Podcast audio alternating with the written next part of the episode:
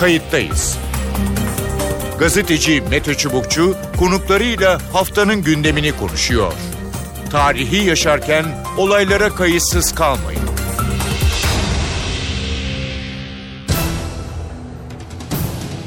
İyi günler bir kayıttayız programıyla daha karşınızdayız. Tarihe ışık tutmak ve olan biteni anlamak için önümüzdeki yarım saat sizlerle birlikte olacağız. Ben Mete Çubukçu. Bu hafta Irak Şam İslam Devleti'nin bölgede yarattığı kaosa buna karşı Türkiye'nin atacağı adımlara bakacağız. IŞİD hemen yanı başımızda. Suriye'nin Kobani kentine iyice yaklaştı.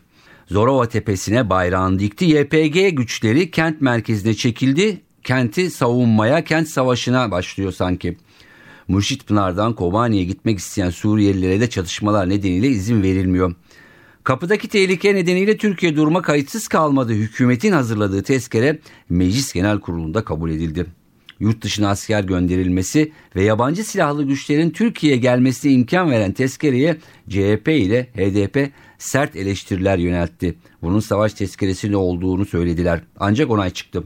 Peki Türkiye bundan sonra ne yapacak? Suriye topraklarına Türk askeri ayak basacak mı? Kobani düşerse çözüm süreci nasıl etkilenecek? Yanıt bekleyen soru çok. Hemen başlıyoruz. Kayıttayız'ın ilk konuğu Nazmi Gür. HDP Van Milletvekili ve HDP eş başkan yardımcısı Nazmi Bey hoş geldiniz programımıza. Teşekkür ederim hoş bulduk. Malum konu Kobani. Kobani düşerse ne olur? IŞİD iyice yaklaştı. Kent savunmaya geçti YPG tarafından. Bir yandan da tezkere kabul edildi. Sizin ve CHP'nin itirazları da söz konusuydu. Peki hemen hızlıca başlıyorum. Kobani düşerse ne olacak? Çünkü kentin dış cephelerine yaklaşmış durumdalar ama bir savunma hattı da oluşturulmuş durumda. Ne dersiniz? Evet.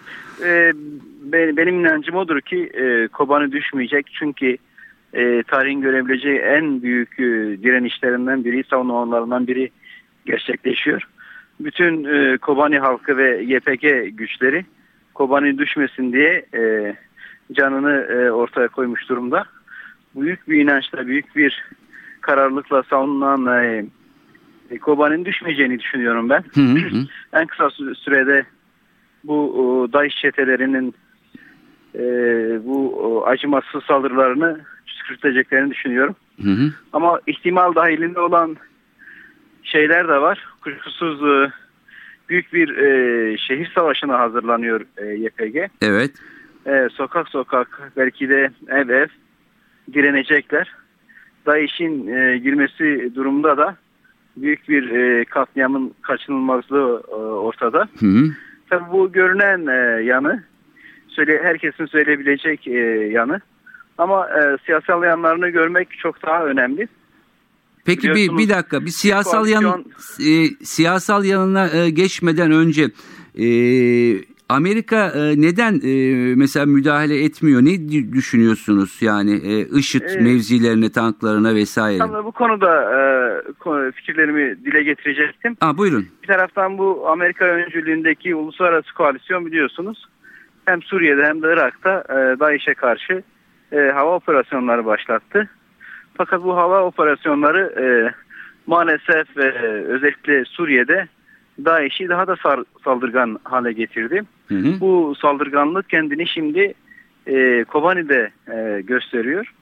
E, Kobani etrafında Amerikalılar e, vuruyor zaman zaman. Ama buna çok etkili olmuyor. Belki bir e, top yuvası ya da bir tank hedefleniyor. Hı hı.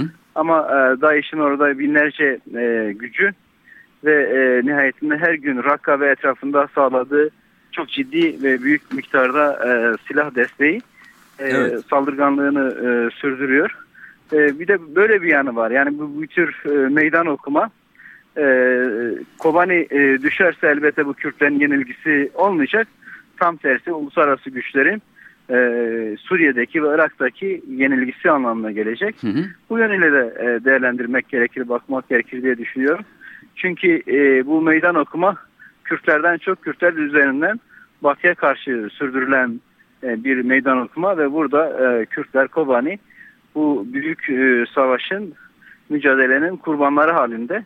O nedenle e, hem Amerika'nın hem de e, bu uluslararası güçlerin hı hı. gerçekten e, Suriye'de e, DAEŞ'e karşı sürdürdükleri hava operasyonlarının başarılı olmasını istiyorlarsa Hı hı. öncelikli olarak Kobani ve etraflarını mutlaka temizlemeleri gerekir. Ki biz e, böyle bir durumda ancak e, e, bunların samimiyetine inanabiliriz. Peki e, böyle bir durumda e, biraz varsayım üzerinden konuşuyoruz ama bunun içeriye yani Türkiye yansıması e, ne olur? Evet bu da bu sorunun ikinci siyasal boyutunu oluşturacak kuşkusuz. E, DAEŞ e, böylece Türkiye'nin birinci derecede komşularından biri haline e, dönüşecek. Biz hep e, konuştuk, hükümetle konuştuk, aktardık e, bu durumu. Tehlikelerine e, işaret ettik. Böyle bir e, durumda savaşın, DAEŞ'in Türkiye'yi de hedef tahtasına e, koyacağı ve Türkiye'ye doğru bir genişleme stratejisi e, izleyeceğini tahmin etmek için siyaset bilimci olmaya gerek yok. Türkiye'yi en çok zarara sokacak olan durumda Kobani'nin e, düşmesidir. Hı hı. Çözüm süreci biter mi peki? Tabii ki bunu e, çözüm sürecini yürüten e, ve özellikle bu konuda ciddi bir e, ilerleme sağlayan e, taraflar düşünceler farklı. E, Sayın Öcalan'ın ve e, Kandil'in e, mesajları ve e, bizim de düşüncemiz odur ki Kobani düştüğünde e, sürecinin ilerlemesi çok zor olacağını düşünüyoruz. Türkiye'nin Kobani'nin düşmemesi için elinden gelen her şeyi e, yapması gerekiyor ki böylece e, Kobani'yi de e, ve süreci de e, ilerletebilelim. Hükümet çevreleri Kobani ile e, sürecin bağının olmadığını söylüyorlarsa da tam tersi biz e, Kobani ve sürece ilişkin ciddi bir bağın olduğunu, doğrudan bir bağın olduğunu düşünüyorum. Evet. Peki bir şey soracağım. Türkiye ne yapabilir yani şu anda Kobani'ye e, yönelik? Yani IŞİD'e karşı savaşmak mı ya da onları vurmak mı? Yani nedir sizin beklentiniz o anlamda Türkiye'den? Tabii Kobani halkının ben burada e, Salih Müslim'le de birlikteydim. Salih Müslim'in ve e, Kobani halkının PYD'nin beklentisi Türkiye içeri girsin bizimle savaş, e, bize yardım etsin savaşsın değil. Böyle bir talepleri böyle bir istekleri de yok. Buralarda DAEŞ'in önlenmesini e, istiyorlar. İşte angajman kuralları var. Türkiye toprağını koruyor diye. E, sınırdan e, bunları engelleyebilirdi Türkiye. E, böyle bir engeli e, yapabilirdi. Türkiye yine Kobani'nin düşmemesi için e, PYD ile e, ve özellikle oradaki e, Kobani kantonuyla e, doğrudan ilişkiler geliştirerek e, orayı güçlendirebilirdi. Yardım edilecek çok alan var. Hem e, insani yardım hem askeri yardım hem diğer e, konularda da Türkiye'nin e, desteği Kobani'yi e, ayakta tutmaya yeter. Siz bu konuda hani resmi görüşmelerinizi bunu dile getirdiniz mi? Yani oraya karşı bir silah mühimmat. Ee, kuşkusuz biz e, hem Amerika'da yaptığımız e, görüşmelerde ve hem de burada bütün muhataplarla yaptığımız görüşmelerde bu durumu ortaya koyduk. E, özellikle YPG'nin dengeyi sağlayabilmesi için bu ateş üstünlüğüne karşı e, verebilmesi için mutlaka e, aynı şekilde desteklenmesi gerektiğini söyledik. Biliyorsunuz e, Amerikalılar kongrede Suriye muhalefetine e, destek için karar çıkardılar. Yine koalisyon güçleri NATO ve Birleşmiş Milletler e, kararları var. E, Türkiye eğer bu tezkereyi savaş tezkeresi olarak çıkarmamışsa ve e, bölgede istikrarın ve barışın sağlanmasını istiyorsa YPG güçlerine e, özellikle desteği e, sağlamada asla kaçınmamalıdır. Yani şu mu? Yani Suriye muhalefeti içinde değerlendirip YPG'ye de e, bir şekilde destek vermesi evet, şu ya da bu şekilde. Çünkü Suriye'de en etkili ve alan koruyan, alan tutan neredeyse tek muhalefet olarak kaldı. Biliyorsunuz Halep bölgesinde özellikle batı da yani Suriye'nin kuzeyinde oradaki ESO güçleriyle PYD'nin e, ciddi bir e, ittifak e, geliştirdi. O bölgeyi birlikte koruma ve hatta e, mümkünse Halep'i ve o çevreyi e, yeniden kontrolünü kazanma konusunda ciddi bir anlaşmaları var. Evet. Bunun da görülmesi ve e, uluslararası güçlerin e, bu yeni durumu e, değerlendirerek Suriye'nin kuzeyinin tamamını özellikle e, kontrolünün e, muhalefetçi, demokratik muhalefetçi sağlanması için e, harekete geçmesi gerekiyor. Kaldı ki PYD e, orada e, üç kanton kurarak e, evet. e, Suriye'nin e, geleceği için çok önemli bir idari model de ortaya koymuştu Hı-hı. biliyorsunuz bu kantonlar. Da sadece Kürtler değil Araplar, e, evet. e, Asuri Süryani halkı, Ermeni halkı, Türkmenler, e, Çeçenler e, bu o, kantonlarda e, görev aldılar. Bu da gelecek Suriye'nin e, e, nasıl şekilleneceğine dair önemli bir e, model. bu modeli e, yaratanlara da Peki. muhakkak uluslararası güçlerin destek olması gerekiyor. Son şunu sormak istiyorum. Tezkereye hayır dediniz ama bir şekilde e, beklentileriniz de var e, bu, bu noktadan e, sonra. E, bu konuda ne diyeceksiniz? Şimdi biliyorsunuz e, tezkerenin ilk girişine baktığınızda tezkerenin e, IŞİD'le e, mevcut durumla ilgisi olmadığını kolaylıkla görebilirsiniz. E, neredeyse bu tezkere e, PKK'ye karşı e, hazırlanmış bir tezkere. Oysa siz e, PKK ile yeni bir aşamaya gelen önemli bir süreç yürütüyorsunuz. E, hala bu korkularla böyle bir tezkere çıkarmak e, doğrusu e, e, uygun değil gerçekten. Hı hı. Prensip olarak da biz e, bu tür tezkerelere karşıyız biliyorsunuz. Oysa yapılması gereken e, eğer gerçekten IŞİD'e karşı ve IŞİD tehdidini bertaraf edecekse etmeye yönelik bir tezkere ise bunun adının konulması gerekirdi. Hı hı. Oysa tezkereyi incelediğinizde IŞİD'e dair e, e, ufak bir şey bile yok. Yani sanki tezkere e, PKK'ye o, yönelik olarak alınmış ama IŞİD bunun dışında ya da ikincil bir e, e, unsur olarak e, yer alıyor. Bizim kabul etmediğimiz e, nokta burasıydı. Peki. Bir taraftan e, e, müzakere yürüteceksiniz, müzakere aşamasına gelmişsiniz. Bir taraftan da e, eski e, yaklaşımı sergileyeceksiniz. Hı hı. Tehdit olarak göreceksiniz. Bu e, tezkerenin en büyük e, çelisk, e, çelişkisiydi ve bizim Peki. hayır dememizin de en büyük e, Nedeniydi. gerekçelerinden birisiydi. Peki. Nazmi Gül çok teşekkür ediyorum. Ee, Ben teşekkür bizimle ederim. görüşlerinizi paylaştığınız için HDP eş başkan yardımcısı ve Van milletvekili Nazmi Gür sorularımızı yanıtladı. Telefon diğer ucunda şimdi de Profesör Beril Dedeoğlu var. Galatasaray Üniversitesi öğretim üyesi. Beril Hanım hoş geldiniz programımıza. Merhabalar. Hemen sorayım. Ee, şimdi şöyle tartışmalar, iddialar e, söz konusu. Meclisten geçen tezkere IŞİD'le mücadele mi, PKK'yla mücadele mi yoksa Esad rejimiyle mücadele mi? Bunu e, farklı yorumlayanlar var. Ne dersiniz? Allah kapsamında hedef çok açık tanımlanmamış. Ee, dolayısıyla ayrıca da bu yetkinin hangi tür faaliyetleri kapsayacağı da açık olmadığı için anladığım kadarıyla hükümet gelişmeler karşısında çeşitli uygulama biçimlerini göz önüne alarak bu tezkereyi e, meclise getirmiş durumda. Burada e, birinci hedef muhtemelen IŞİD bu e, İçişleri Bakanı yaptığı açıklamadan da anlaşılıyor. Hı hı. Fakat IŞİD'le mücadele sırasında sanıyorum e, özellikle Suriye'de IŞİD'le mücadele eden Kürtlerden kaynaklanan bir endişe var. Yani ortada bir e, karşılıklı güvensizlik söz konusu. E, gene benim anladığım kadarıyla e, çeşitli bölgeleri Kürtler geri aldığında özellikle Suriye'de buraya kendi bayraklarını dikerek özel bölge ilan etme ihtimalleri var. Türkiye buna e, içinde silahlı bir şekilde e, namluların Türkiye'ye de dönme ihtimalini de göz önünde bulundurmuş. Öyle anlaşılıyor bu Yani tezkere. YPG'den ya da PYD'den yani YPG'den bahsediyoruz bu anlamda. Aynen öyle Hı hı. silahlı güçlerinden bahsediyoruz. Ama IŞİD de var şu anda orada. O da Evet, silahlarını aynen öyle. doğrultmuş durumda. Aynen öyle. Birinci etapta tabii ki IŞİD e, hedefte. Fakat IŞİD'i bertaraf ettikten sonra açılacak alanda ne olacağı, siyaseten ne tür gelişmeler olacağı konusunda Türkiye'nin endişeleri olduğu anlaşılıyor ki geniş kapsamlı bir hedef söz konusu olmuş. Hı hı.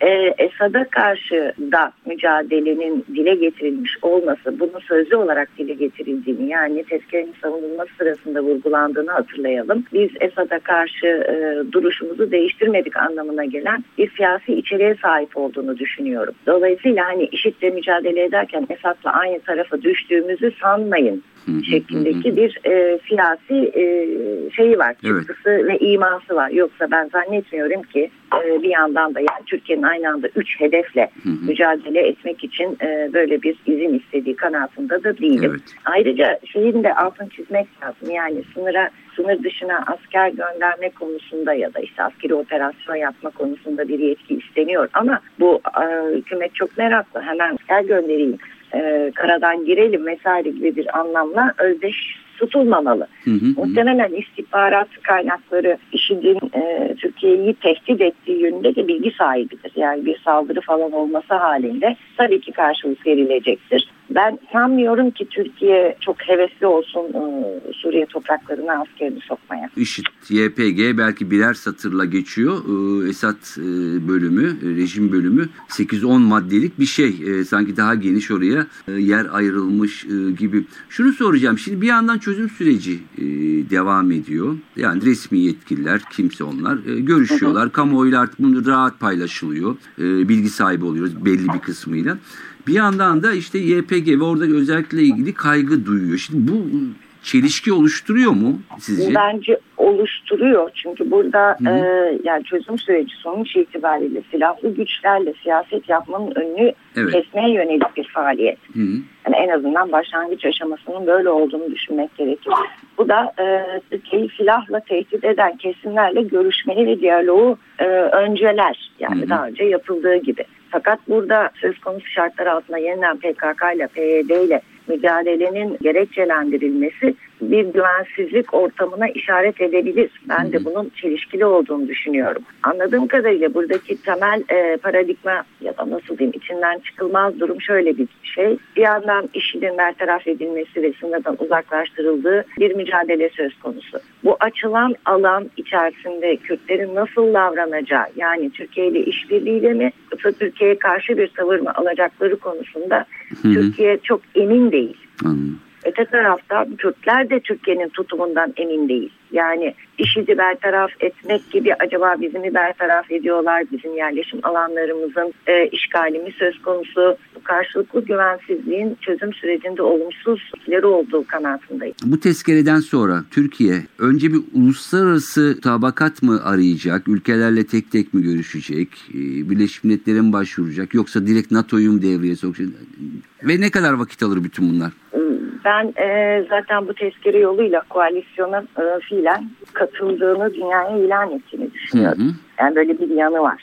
Evet. Tabii koalisyona katılmanın farklı yönleri ve biçimleri var. Evet. Şimdi eğer bu sınırın tutulması ve çatışan tarafların faaliyetlerini sürdürmeleri için gerekli lojistik ya da akışkanlık diyelim engellenme fonksiyonuyla sınırlı bir görev alıyor ise Hı hı. seyretmeye devam edecektir. Ama ben ayrıca Birleşmiş Milletler'e başvurulsa bile Evet. ya da e, yani NATO'da görüşülse bile bunun öyle bir uluslararası kararı bekleyecek aşamayı geride bıraktığını düşünüyorum. Çünkü hala hazırda Hı bir koalisyon var, Var. ve hava bombardımanı yapılıyor. Hı hı. Öte yandan NATO'dan gelen açıklamayı da ciddiye almak lazım. Ancak Türkiye'ye bir saldırı yapar, yapılır ise biz devreye girebiliriz şeklinde bir açıklaması var. Yani Türkiye doğrudan IŞİD kendisine hedef almadıkça NATO'yu devreye sokmaz diye tahmin ediyorum. Zaten NATO ülkeleri olayın içinde. İçinde. Hı. Ayrıca bir daha karar aldırmaya gerek olduğunu zannetmiyorum. Benim gördüğüm manzara Türkiye'nin herhangi bir askeri müdahalesi e, bir taraf olmasını gerektirir.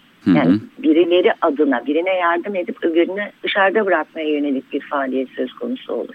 Şimdi IŞİD tek böyle m, homojen bir kuruluş olsaydı e, sanıyorum bu konuda çok daha kolay davranmak Evet. mümkün olabilirdi. Ama bu bir çatı yapı. Ve bu çatının içerisinde tırnak içinde söylüyorum ileride Suriye muhalefetini oluşturabilecek kesimler de var. Doğru. Evet. E, şimdi doğrudan IŞİD'i vurduğu takdirde buradaki ileride kazanılabilecek kesimleri de Türkiye karşısına almış oluyor.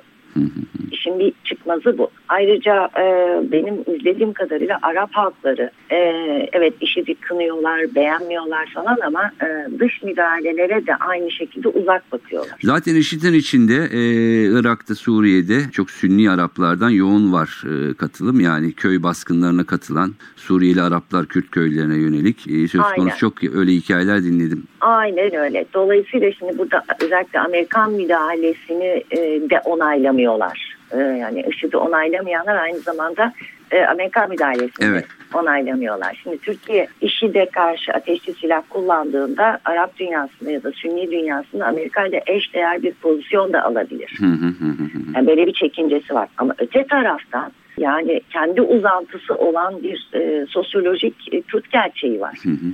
Şimdi onun karşısında da cep alması mümkün değil. Yani bu ileriye yönelik olarak tüm e, siyaseti alt üst edebilecek bir durum.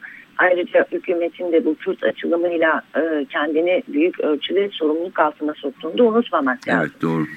Velhasıl e, çok açık bir tavır ve düşman tanımı yapmak yerine Hı hı. benim anladığım kadarıyla tezkerede Esad rejimini hedefe koymak bir muğlaklık yaratmanın e, ve biraz duruma göre pozisyon almanın imkanını veriyor. Yani çok ileriye yönelik hani bazıları şey şöyle dedi biraz torba tezkere gibi yani içinde hani çok da şey var e, gibi yani ileriye de yönelik. Çünkü mesela yabancı asker hani hangi herkesin e, aklına evet herkesin aklına sanki Amerikan askerleri buradan karadan girecekmiş gibi falan geliyor. Ben öyle bir şey olduğunu Evet. düşünmüyorum. Ee, batılı koalisyon e, kara operasyonu yapmayacak. hı hı, Bunu açıkladılar. Yani üsleri kullanmak için de ben Türkiye topraklarında çok ihtiyaçları olduğu kanaatinde değilim. evet Bu yabancı asker denilen şey e, IŞİD'in çekilmesi son yani küçültülmesi tümüyle yok edilmesi mümkün olmayacaksa Hı.